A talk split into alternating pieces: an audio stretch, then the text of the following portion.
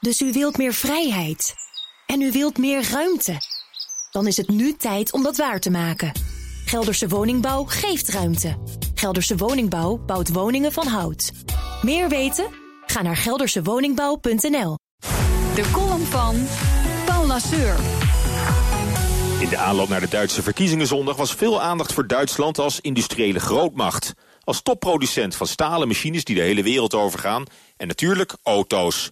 De Duitse auto-industrie is de absolute wereldtop.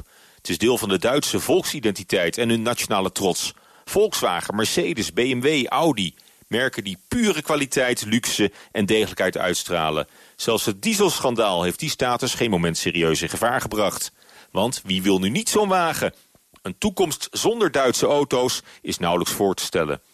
Toch was dat precies waarvoor minister Gabriel van Buitenlandse Zaken... zijn publiek vorige week waarschuwde op de grote autobeurs van Frankfurt... in het Hol van de Leeuw.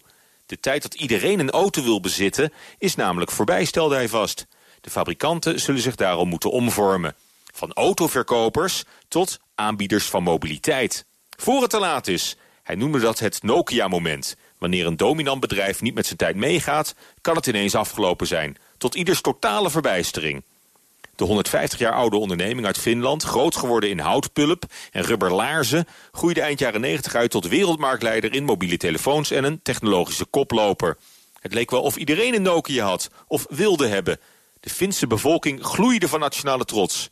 Maar Nokia miste de overgang naar de smartphone en mobiel internet... en werd binnen een paar jaar weggevaagd, compleet, door Apple en Samsung. Van het Finse topmerk bleef niets over. Toevallig werd dit jaar hun favoriete model van destijds, de 3310, opnieuw uitgebracht. Maar dat is pure nostalgie. Je kunt je niet meer voorstellen dat we tien jaar geleden allemaal dik tevreden waren... met zo'n primitief apparaat. Het dramatische Nokia-scenario is terecht een schrikbeeld... voor de gevestigde Duitse auto-industrie.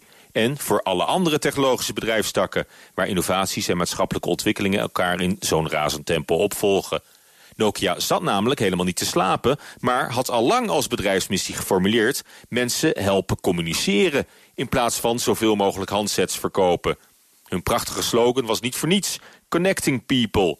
Dat klinkt toch precies als de autoverkoper... die zich omvormt tot aanbieder van mobiliteitsoplossingen...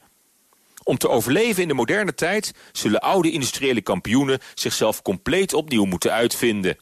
De grootste bedreiging komt niet van binnenuit, uit het falen van de eigen organisatie, maar van buitenaf. Het bizarre succes van een nieuwkomer kan de heersende wereldmarktleider in één klap uitschakelen. Het Nokia-moment zou je beter het iPhone-moment kunnen noemen. Leer van de winnaars en niet van de verliezers. Prettige maandag.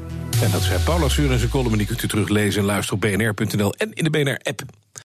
Dus u wilt meer vrijheid. En u wilt meer ruimte. Dan is het nu tijd om dat waar te maken. Gelderse Woningbouw geeft ruimte. Gelderse Woningbouw bouwt woningen van hout. Meer weten? Ga naar geldersewoningbouw.nl